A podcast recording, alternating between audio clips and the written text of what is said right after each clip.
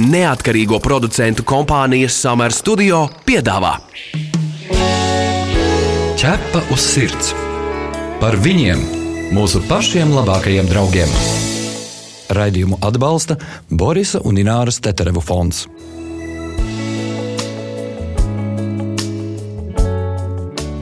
Labvakar! Esiet sveicināti ik viens, kas ieslēguši Latvijas radio pirmo kanālu. Šeit raidījums ķepa uz sirds. Mani sauc Magnus Eriņš. Mani sauc Inese Kreitsberga. Labvakar, labvakar visiem! Tuvojas jau vasara. Jā, un vairāk laika mēs pavadām ārā. Un daudz arī priecājas, ka pie mājas var arī izlaist ārā un atstāt suni.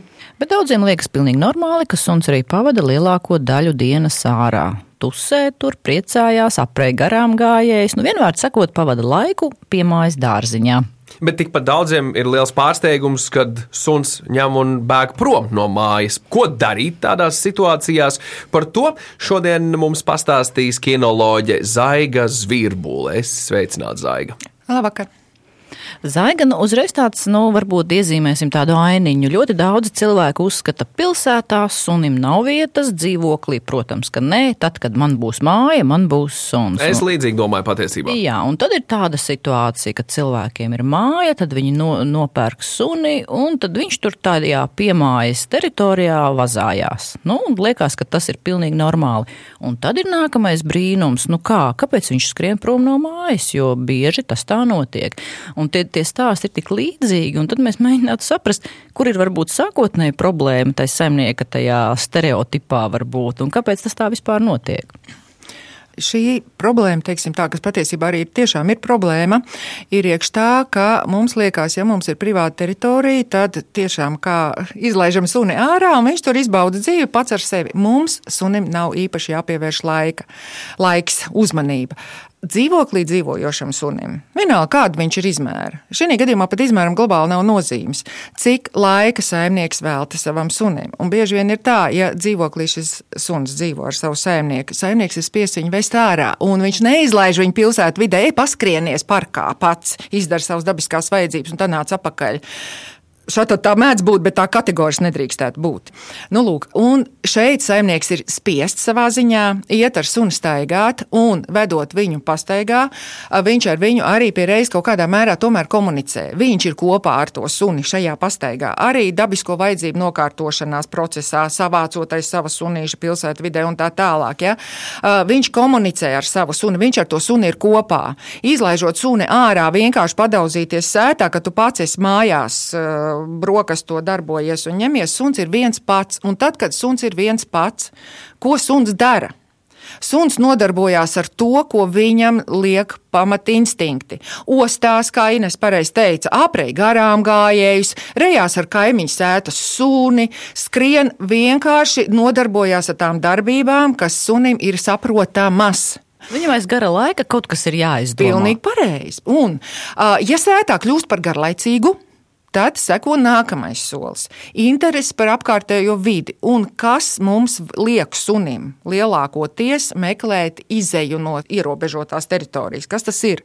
Lielākoties tā ir vēlme pirmām kārtām apmierināt savas hormonu vajadzības. Tātad uh, vairošanās instinkts lielākoties, kad suņi pamet savu teritoriju, suņi, es domāju, suņu puikas, tad, kad apkārt ir kaut kādas uh, interesantas sajūtas, viņam hormoni spēlējās un viņam vajag doties ielās, kā es saku. Uh, suņu meitenēm tas ir mazāk. Un bieži vien saka arī, ka es ņemšu labāk meitenīti, nu, pucīti mājās, ja? jo viņas tik ļoti negrib mukt prom no mājas, viņas turās vairāk pie mājas, un tā ir tiesa. Pie viņas vienkārši nāk tur nu, tie, ciemos, tad tie, var tie doties. suņu jā, puiši, kuri jā. nav kastrēti. Nu, jā, un lūk, ar, uh, dēļ šī te aspekta arī privāta māja, tas nenozīmē, ka ar suni es varu nenodarboties. Suns ir sociāla būtne, un ja es gribu, lai suns ir ar mani, nevis kaut kur pie manis labākā gadījumā, bet ar skatu prom plašajā pasaulē, kā tik aizmukt, tad, ja es ar suni nenodarbošos, rezultāta nebūs. Nu, respektīvi, neveidošu viņam interesi par sevi, par savu māju vietu kā centru, kur viņam būt. Jo bieži jau ir tie gadījumi, nu, kur kaimiņi redz, ah, nu tas jau tur kaimiņu Pēters suns, jo viņš jau tā regulāri staigā. Mm -hmm. Tā kā, ko nozīmē regulāri staigā? Viņš tā kā izmet loku un nāk atpakaļ, ja viņš kaut kur vienkārši vazājās pa perimetru. Ļoti grūti vispār saprast, kā tas, Jā, kāpēc tu uztver. Bieži vien uh, ir nenoslēgta teritorija, suņi staigā apkārt. Bieži vien, jā, viņš jau atnāk atpakaļ, viņš jau neko citam nedara. Tas, ko tu saki, kaimiņi redz, ka vazājās apkārt. Ir ļoti bieži arī zvana cilvēki, kas ir šie kaimiņi.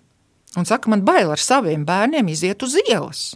Zaiga, ko darīt šajā situācijā? Jo suns vai suņi, kas traka, ja trakākais, ja tas ir suņu bars, kas vazājās, tā tad tajā suņu barā ir bara instinkti, kas viņiem liek atkal kļūt mežonīgākiem, protams. Un savu baru sargāt arī savā ziņā. Ja? Un kad viņi tā kā biedē garām gājējus, Nu, biedē. Bet sāksim ar to, ka ir aizliegts ļaut savam sunim nepieskatītam vazāties apkārt. To likums aizliedz. Par to jau ir stāsts. To arī varbūt daudzi nezina. Tā kā jebkurš, kuram kaimiņam redzat, ka suns regulāri staigā apkārt nepieskatīts, jūs droši varat ziņot atbildīgām institūcijām. Tieši tā, to par to jāziņo pašvaldības dienestam. policijai. Noteikti vispirms, jā, kad šāds suns nepieskatīts tur staigā, bet nevienmēr ir reakcija cilvēkiem bail, bet anonīmi arī var ziņot. Var ziņot, protams, jā. Un, bet jautājums, vai tas suns, kas šeit ir, viņš taču nestāvēs un negaidīs, ka pēc 11 minūtēm atbrauks pašvaldības policija. Nu, vai pēc desmit vienalga dzīvnieks ir kustībā. Tā tad eh, nevienmēr šo gadījumu var nofiksēt. Tas arī fakts. Vai, vai dara video materiāls, piemēram, vai no video novērošanas kamerām gadījumā es zvanu un ja iesaku iesniegumu policijai. Man ir video novērošanas kameras, kurās var redzēt, kā man kaimiņš suns vazājas ar saviem suņu brāļiem apkārt. Mm -hmm. Jo pēc idejas klaņojoša suna nogādā at, attiecīgās pašvaldības patversmē, Patversmē un tad, ja jā. uzrādās saimnieks, tad viņam viņš faktiski ir jāizpērk, samaksājot jā. šo uzturēšanās naudu, par ko daudzi saimnieki ir dusmīgi. Tas taču ir mans suns, kāpēc jūs ņēmāt manu suni? Un nu, arī droši vien kādam sīvais sots par to, ka tu savu īpašumu kustamo, kas reāli kustās vairāk nekā vajadzētu, ja brīžam. To es atstāju bez uzraudzības. Un vēl kas ir, kad šie suņi taču beig galā, viņi, labi, viņš, viņš staigāja tā kā lārā, viņam arī kaut kāda, zinām, trauksmes reakcijas, un tad var arī sekot jau uzbrukums. Tad, tā laikam būtu globāli bišķi cita tēma, jā. Bet eh, šis te, kad eh, agresīva rīcība jau ar miesas bojājumiem jau cilvēku. Nu, kā ļoti bieži cilvēki ejot sastopas svešu suni vai skrējēji vai sēņotāji, viņi principā nu, nezina, vai tas suns vienkārši izbīsies vai viņš nāks virsū. Nu, un jā, arī viņš nāk virsū tikpat labi, viņš nāk draudzēties. Jā, un tu to nezini nevienā brīdī, līdz kādai sekundē, kamēr viņš tev ir pienācis klāt. Un tad jā. ir divi varianti, vai nu pieglaužas vai ieķer. Viņš arī var ieķert pēc pieglaušanās. Varbūt. Viņš var varianti. vienkārši uzlikt ar ķepām uz pleciem. Ķepa uz sirds, suņu būda. Vai ir suņu šķirnes, kurām šie instinkti ir tik ļoti pielādēti, kas vairāk ir izvēlīgi un tendējusi uz brīvu soli? Lielākoties šīs šķirnes ir tās, kuras ir mazāk modificētas sadarbībai tieši ar cilvēku. Tās būtu. Tātad, nu, ko jūs biežāk esat paši dzirdējuši? Husky. Pilnīgi bīgli, pareizi. Bīgli noteikti ir tajā sarakstā. Uh, bīglu uh, šeit ir tā. Takši. Uh, primitīvās šķirnes, pirmotnējās šķirnes, kas mums ir piektā grupa. Pēc FCI klasifikācijas tātad šīs ir, kā reiz viņas arī tā saucās, primitīvās, pirmotnējās, kuros ietilpst haskiji, basenģi, akitas, tā... basenģi, uh, malamuti, laikas. Jā, laikām dikti patīk. Jā, tātad šīs grupas suņi vairāk ir tendēti darboties vai nu suņu barā, kamana suņi. Tātad, jā, viņš sadarbojas kā ar cilvēku, bet viņi ir barā un viņi skrien. Tātad šeit nav fokus vērsts uz cilvēku globāli. Akitas, kas arī tomēr ir uh, salīdzinoši arī pirmotnē, viņiem cilvēku kontaktu tik ļoti nevajag. Viss jau arī, protams, atkarīgs no audzināšanas, no temperamenta un tā tālāk. Arī tas pats Basenģī. Viņš arī, nu, to, ko tikko pieminējāt, ja? viņam arī šī apmācība un šis fokus uz saimnieku nav vitāli nepieciešams. Viņš arī ir medību suns. Un kas attiecās uz bīgliem? Jā, par viņiem kāpēc jā, daudz šie, dzirdēts? Kas ir šī pašķirni? Dzinējsuņi, mm -hmm. medības suņi. Tāpat kā takši. Te bija viņa atšķirās. Taksis ir medītājs, medītājs, fiziski alu suns. Bīgls, dzinēja suņu grupa visa. Viņiem ir deguns. Un ja viņš paņem to savu pēdu, tad tajā brīdī viņš ir darbā. Instinktu vadītā savā sevis nospraustā darbā. Vai arī medībās, ja ir. Labi, labi. Mēs tikko apskatījām tos, kas ir potenciāli uh, bēdzēji, kas ir tie potenciālie mājās sādētāji. Noteikti ir šķirnes, kuras ir mājas suņi vairāk nekā uh, dabas suņi. Jā, nu šeit ir atkal tā. Tā tad suņu šķirnes, kas vairāk ir vērstas sadarbību uz cilvēku, ir ganu suņu grupa, tātad pirmā grupa. Klasifikācijā, kur iet ir vācu aitu suņi, beļģu aitu suņi, tātad aitu suņi, kuri ir, ā, tātad viņi sadarbojās ar cilvēku arī pēc savas profesijas, kā lai teikt, uzstādījuma. Otrā grupa, kur ietilpst attiecīgi molostipas šķirnes, bērnieši, šveicieši, rotveileri, kas mums vēl lielās šķirnes, tie paši kane korso. Kas arī nav vienkārši. Un šeit ir vairākajās šķirnēs no šīm ir šī sarga funkcija. Ļoti izteikta. Vāciešiem, vācaitu suņiem. Ja, Kane korso arī sargs dobermaņi. Ja? No Rottweiler arī. Ar, arī, arī, jā, tieši tā, aizsardzība. Tātad viņu viena no šķirnes funkcijām ir sargāt teritoriju, sargāt savu vidi. Tas arī ir grūti, jo šādi instinkts ir ļoti spēcīgs. Un tad ir šī riešanās, skriešana un, un tā tālāk. Ja? Uz jautājumu atbildot, par kurš tad nu mazāk gribēs skriet, loģiski būtu atbildi, ka tās šķirnes, kas ir vairāk veidotas dzīvē ar cilvēku kopā. Dekorācija. Jā, viņi ir uh, nu, tādi mājas mīluļi, bet atceramies, neviens suns nav atbrīvots savā dzīvē no tiem instinktiem, kas ir kā jebkuru suni, jo tā ir suga. Neskatoties to, ka šķirnes mums ir nu, katastrofāli no augšas līdz uh, no lielākā līdz pašam, pašam mazākam, bet tie ir suņi, tie ir plēsēji ar saviem pamatinstинktiem nosacītiem. Ja? Tā kā ir tas, ko mēs esam modificējuši, bet ir lietas, ko nevar modificēt. Vai kastrācija ir nozīme tam, vai suns gribēs skriet prom? Mana atbilde būtu, ka ļoti liela nozīme. Ja? Jo tas, ko mēs arī pirms tam teicu, šis te pamatinstinkts, kas ir ļoti, ļoti, ļoti spēcīgs dzīvai būtnei, sugas turpināšanas instinkts, ā, viņš bieži vien dominē arī pār apmācību. Ir ļoti grūti. Sunim, ja viņam ir ā, šis te hormonu pārņemtas smadzenes, un viņam ir tieksme doties kaut kur ielās un meklēt šo te ā, savu partneri. Vai ir kādas kļūdas, ko sākotnēji pieļauj saimnieki, nu, piemēram, noguļ kādu īsto brīdi apmācībai, pirms suns ir sācis darīt šādu raksturu izgājienus? Uh, viennozīmīgi. Tātad sā, sākotnēji sunim ir jāpaskaidro to, ka bez atļaujas viņš nedrīkst ķērsot vai nu vārtu līniju, respektīvi iziet pa vārtiem, kaut arī viņi stāv vaļā. Un tas ir grūti. Grūti saim- saimniekam to iemācīt sunim, jo sunim plašā pasaule. Ja, ir visi priekšā. Jāiemāca gan uh, uzvedība, kas ir pareiza, kā viņam būtu jārīkojas, jāmotivē rīkoties pareizi, un arī jāpaskaidro sunim, kāda rīcība nav vēlama. Tā tad šī apmācība princips, kas ir, kuras lietas ir nē, tabū, teiksim, ja, nu, pieņemsim, no galda neņemt no sēdes, neskriet ārā, nelikt pāri sētai, neskriet pie kaimiņiem un tā tālāk. Un, attiecīgi, jāpaskaidro, kāda uzvedība tajā brīdī ir alternatīva, kā viņam būtu pareizi rīkoties, lai viņš izvēlētos to uzvedības modeli, kas sunim ir izdevīgi un saimniekam ērti. Zaiga, kāds ir tavs viedoklis par uh, radiosētu vai elektrisko ganu? Nu, nevar jau īsti mehāniski likvidēt sunim nepareizu uzvedību, jo mēs zinām to, ka tas var radīt satraukumu, tā, tas var pārslēgt arī šo satraukumu, piemēram, uz citu destruktīvu rīcību. Nu, tās mēs te varētu noskaidrot virkni, bet kāds ir tavs viedoklis par šīm iekārtām? Šīs iekārtas varētu izmantot situācijās, kad pieņemsim, tiešām nav šī žoga apkārt, bet tā- nevar būt vienīgā alternatīva, lai suns neskriet projām. Respektīvi, ja es uzlikšu sunītam šo ierīci, no- novilkšu pa perimetru šo elektrisko ganu, kādus Vai radiosētu? nu, nu, tas principā globāli laikam ir. Tas pats ir dažādas opcijas. Kā viņas tur arī tagad ir pat ar uh, vadības pulti mājā, un tad ir vienkārši perimetrs, cik tālu viņš to signālu dod, un kas suns tuvojās tām signāla beigām, iedomātās teritorijas uh, malai, tad viņš saņem signālu un tālāk neiet. Bet tas nedrīkst izslēgt to, ka ar šo suni ir jādarbojās. Un pat tad arī visām radiosētām apmācības uh, instrukcijā ir arī norādīts skaidri, ka mēs principā sākumā suni mācām netuvoties robežai kur ir atzīmēta ar kaut kādiem, nu, lai cilvēks padzina, ja tā ir ieraktā sēta, pieņem, nu, ieraktais vats vai kas tas ir. Ja? Un mācām uh, tam netuvoties, aizrādot, kad viņš tuvojās un atcaucot sunu pie sevis, parādot viņam šo robežu, kur ir. Un tad, ja vēlāk, tad ar apziņu mēs vispirms sunim strādājam, nevis tikai ar mehāniku, ar šo impulsu. Ja mēs strādājam tikai uz šo, un nav veikta apmācība tīri par sapratni sunim, kā viņam pareizi rīkoties, tad, kad viņš šo impulsu dabūna, viņam, viņš saņemot šo impulsu, viņam būtu jāatgriež tā kā mājās, loģiski. Ja? Bet kas notiek, ja ārpusē ir kairinātājs?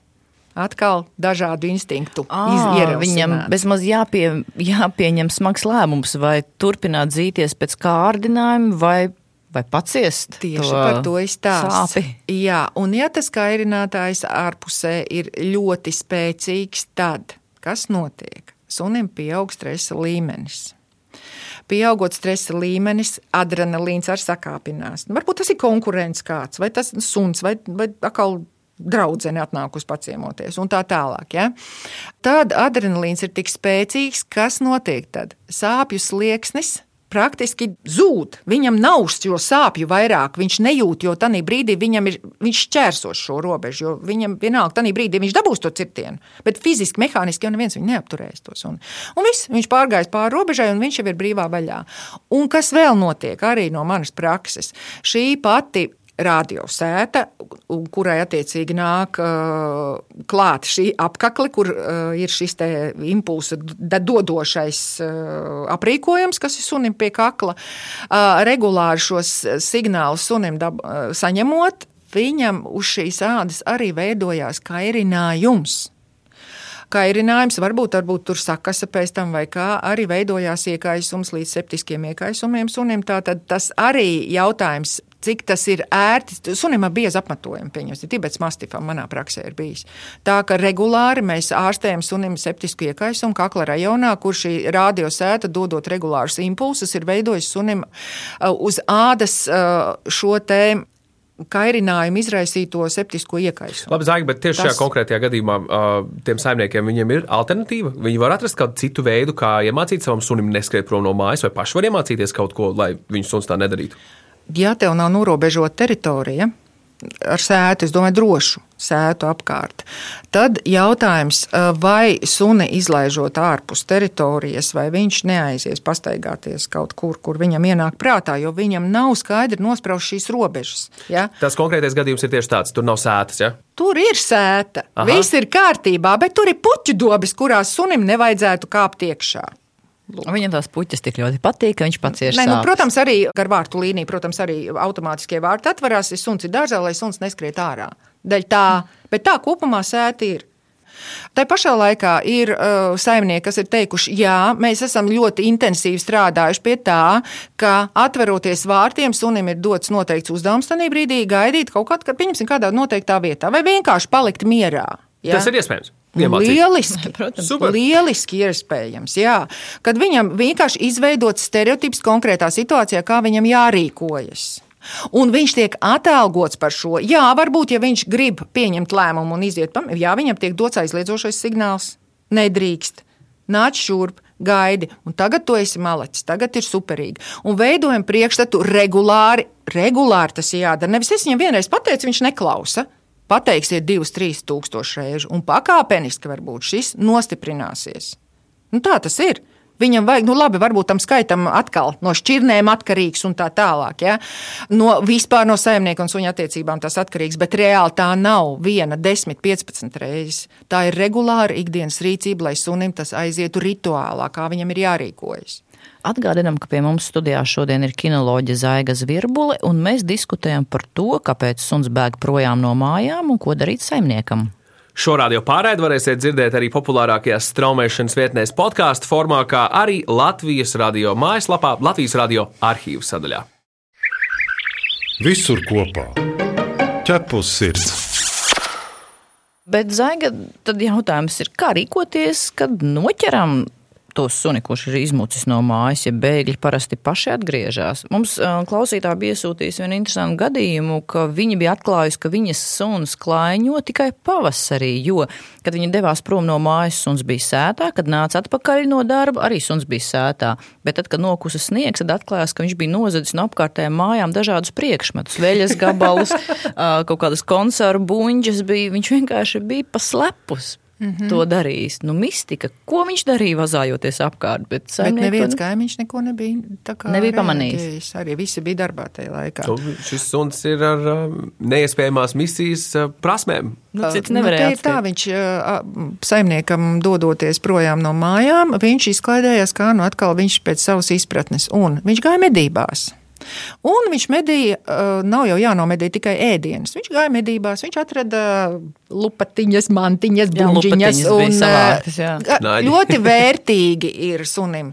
Ja vēl kaimiņu sētā ir kaķu barība, kur var aiziet paēsties, kaimiņu sunim ir nolikta varbūt pat nezinu, ķēdes sunim barība, vienalga. Viņš aiziet, viņš iet mieloties. Uh, viņš iet pa kaimiņu kompostu kaudzi parakāties. Tātad šeit ir uh, suns devās uh, ceļojumā un viņš nonāca pie mērķa. Tātad, lūk, jums ir atkal kārtējās medības. Viņš gāja uz kaut kādu konkrētu resursu. Un tas jau vēlāk veidojās par ieradumu. Tas ir tas, ko šis stāsts pastāsta. Savukārt, ja? saimniekam iespējams, nu, varbūt var palīdzēt tāda video novērošana, var izpētīt, kur šis suns ir devies un kāpēc ir devies. Labi, šis te ir pielikts klāt, un viņš redz, jā, kompostu kaudzē darīs to, to, to, to, to. Bet kas tagad saimniekam ir jādara ar savu suni? Mirklī, kad viņš sapratis, ka jā, mans suns iet ārā medībās. Pirmkārt, kā viņš var iziet no slēgtas teritorijas? Tiekam galā ar sētu, nākamais solis. Viennozīmīgi, tiksim galā ar šo tad mēs skaidri zināsim, ka suns netiek ārpusē. Bet kāpēc suns muka kaut kur projām? Tā tad sunītim nav bijusi pietiekama noslodze sadarbībā ar saimnieku, vienalga, ko nu viņš ar viņu darīs. Vai tā bija apmācība, vai kopējas pastaigas, iekļaujot kaut kādus uzdevumus, vai uh, tās pašas rotaļas, uh, bumbiņas mētāšana un tā tālāk. Kas kuram saimniekam ir ērtāks, kā viņam pēc viņa izpratnes viņš savu suni var gan mentāli, suņa prātu, gan fiziski nogurdināt. Un, ja šis suns ir nogurdināts, tad dodiet viņam iespēju atpūsties savā norobežotā drošā teritorijā. Tas arī var būt, var būt arī voljērs. Voljēram nav nekāda slikta nozīme. Uh, mājās, istabā, tas var būt arī būrītis nelielākam sunim, jo arī dzīvoklī notiek bēdu leja. Viņš var arī trofejas vedīt arī pa māju par iekštelpām. Tātad mājās tā var būt vai atsevišķa telpa, kur suns ir droši, drošībā, jo viņam arī nevajadzētu apēst visādas draņķības. Ja? Tas varētu arī būt būrītis, kur suns ir drošā vietā. Es uzsveru sunim, lai ir drošība pašam un arī apkārtējiem, ja tā ir uh, ārpus teritorijas veidota uh, darbība. Bet es tieši domāju, tajā brīdī, kad mēs sastopam atkal suni, vai viņš pats ir atnācis, vai mēs esam pārtvēruši tur pie veikala kaimiņos, cilvēki var bārties, viņi var, mm -hmm. nu nezinu, nu, re, jebkura reakcija, vai suns to nevar uztvert kā tādu foršu lietu, saimnieks man ar kaut ko atalgo. Tad viņš nevar salikt kopā, ka tas ir labi, ka es aizbēgu, jo rekā uz mani saimnieks reaģē. Kā būtu pareizi reaģēt tieši fiziski? Ja es suni noķertu kaut kur ārpusē. Es viņam noteikti, viņš saņemtu rājienu noteikti par to, ka viņš ir aizgājis projām. Ja suns ir atgriezies, es pateiktu, jā, labi, balva viņam netiktu dot. Es, te, es pat, teiksim, varbūt pat viņu kādu krietnu laiku ignorētu. Jo viņš ir atnācis atpakaļ. Viņš ir atnācis atpakaļ, bet, ja es viņu rāšu par atgriešanos atpakaļ, ticiet man, viņš izmantos iespēju nākt ar vien vēlāk mājās. À, tad būtiski saprast, kur šis suns ir atrasts, vai atnācis jā, pats, vai pārtverts kaut kur. Jā, ja tu viņus atradz kaut kur. Bet, jebkurā gadījumā, vispirms paskatieties saimnieku uz sevi un pēc tam domājiet, kā sodīt suni. Ļoti vērtīgi. Jā, tas tiesa. Zaiga, palūkšu tev kādu padomu visiem suņu saimniekiem, kas ir aizdomājušies par šo problēmu varbūt kur lasīt, kur vairāk iegūt informāciju, vai tomēr tā ir vizīte tikai un vienīgi pie kinologa? Nu, paskaties, saimnieks spogulī, tā kā tu teici, jau uz sevi un sapratis, nu, bāc, es netieku ar šo galā. Tad tomēr ja netiekam galā un ja informācija, kuru mēs varam saņemt uh, sociālajos tīklos, internetā un tā tālāk, ir nepietiekama saimniekam, tad, uh, protams, kad vērsties pie speciālista, tas būtu ļoti labs ieteikums. Bet ir arī saimnieki, kas zina, kas ir jādara, bet viņi nedara. Viņiem ir slinkums. Viņi cer, ka tas suns izaugs pats. Un viņš atnāk uz konsultāciju, un viņam, tas, viņam mēs pārunājam, jā, es zinu, jā, mēs jau to darām. Cik bieži darām? Nu, reiz nedēļā. Varbūt, ja atceros. Nē, tas nestrādā. Tā tad reāli cilvēks zina, bet ir slings. Viņš nedara to. Un tad es bieži vien saviem klientiem saku, padomājiet, cik ilgi mācījāties jūs, kad augāt, vai arī ja, ir, ja viņiem ir bērni, cik jūs ieguldat bērnu apmācībā, laika, cik intensīvi tas tomēr notiek, lai saņemtu mēs sabiedrībai derīgu locekli. Un arī suni, ja tieši arī par to stāstu. Un locekli. vēl Ines nianse. Cik ilgā laikā pieaug cilvēks? Labs jautājums. Cik ilgā laikā pieaug suns? Arī tikpat labs jautājums. Tieši tā, un, un te mēs savēlkam kopā. Jā, tas ir viens, cits vēl bērnu prātā ir vēl ilgi. Es domāju par, par cilvēku, ja? bet intensitāte kā, ko bērnam mēs. Jā, protams, ka tur cilvēkam augot ir daudz, daudz vērtības, ko mēs iemācām. Bet, jā, bet bērnam apmācībā. tas ir jāpaspēj līdz septiņiem vismaz gadiem pirms skolai, bet sunim tas ir tikai pāris Tieši mēneši, kuros tev intensīvi nu, gads, es teikšu tā, intensīva apmācība ir gads, un pēc tam jūs baudīsiet šos apmācības augļus pakāpeniski un regulāri sunim, varbūt pieliekot slodzi apmācības procesā sarežģītāks, kaut kādas vingrinājumus dodot klāt, vai vismaz godīgi atkārtojot regulārās lietas. Un vēl niansīt, pieņemsim. Cilvēki man arī saka, jā, komanda gaidi mums labi sanāk. Kad jūs ikdienā viņu izmantojat? Mēs katru reizi, atnākot mājās no pastaigas, sunim liekam apsēsties, gaidīt, un mēs viņam notīram ķepas. Lūk, atbilde. Un cik reizēm staigāt dienā? Trīs, četras reizes. Tātad trīs, četras reizes dienā mēs atkārtojam noteiktu rīcību. Un lūk, jums saskaitam, cik tas mums ir līdz pusgadam, pieņemsim. Nu, tāds ir vismaz 120 reizes mēnesī, tās būs 720 reizes pusgadā. Matemātika strādā. Pusotras tūkstošas gadu laikā Jā. tas varētu. Un pie tam regā, regularitāte. Un suns ļoti ātri aptver tās lietas, kas notiek regulāri vienā vidē, vienā, vienā sistēmā. Tātad dodam sunim sadzīves sistēmu, regulāri, konsekventu sistēmu. Ai, labi, ai, šodien aizskrien. Arī tā nes, kāpēc es negribu, lai viņš skrien projām. Tātad sistēmai jābūt vienmēr vienādai. Un līdz ar to arī sunim būs skaidrs, kā viņam jārīkojas. Nu, jā, redz, un te mēs atkal nonākam pie viena un tā paša. Ar suni ir jādarbojas katru dienu, katru. Nu, ja cilvēks nav gatavs ar suni darboties katru dienu, nu, nevajag viņam to suni. Tiešām jāpārdomā šis variants un, un, un, un, un jā, jābūt godīgam pret sevi patiesībā. Jā, tieši tā, Zaiga, paldies liels, ka varēji uh, palīdzēt mums izprast šo tēmu vēl vairāk un cerams, ka uh, potenciālajie mājdzīvnieku īpašnieki, suņu īpašnieki un uh, šī brīža suņu īpašnieki kaut ko vērtīgi ir paņēmuši arī sev. Paldies! Tev. Paldies par tēmu, ko pacēlāt ļoti vērtīgi. Tu esi mans draugs, ķepus sirds. Bet mēs atgādinām, ka ķepus sirds TV raidījums redzams sestdienās 11.15 un atkārtojumā svētdienas pēcpusdienā LTV1. Mēs arī gaidām jūsu jautājumus, ierosinājumus, idejas sižetiem. Rakstiet mums uz info atķepus sirds LV. Bet šajā raidījumā tas ir arī viss. Mani sauc Inese Kreitsberga. Mani sauc Magnus Eriņš. Raidījumu veidoja neatkarīgo producentu kompānija Summer Studio. Visu labu! Atā. Ķepa uz sirds!